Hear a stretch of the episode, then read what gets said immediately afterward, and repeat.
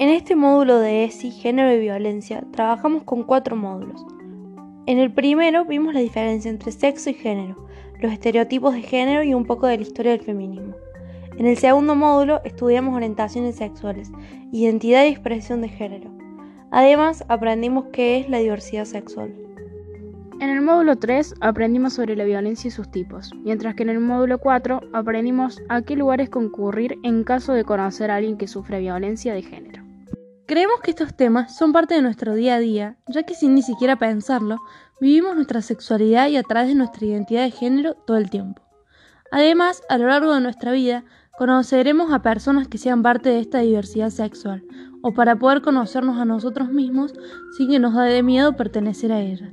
Por otro lado, tenemos que estar informados y estar preparados por si alguna vez vivimos o conocemos a alguien que vive en una situación de violencia, ya que vamos a necesitar saber a qué número llamar, a qué lugar ir o a quién acudir.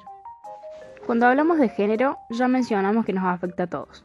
De misma manera, quienes seamos va a definir quién va a ser nuestra pareja, cómo queremos ser llamados y cómo nos relacionamos con nuestros familiares y amigos.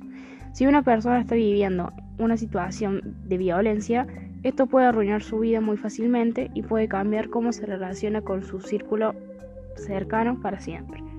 Si bien no podemos cambiar cómo el mundo nos trata, podemos cambiar cómo tratamos al mundo.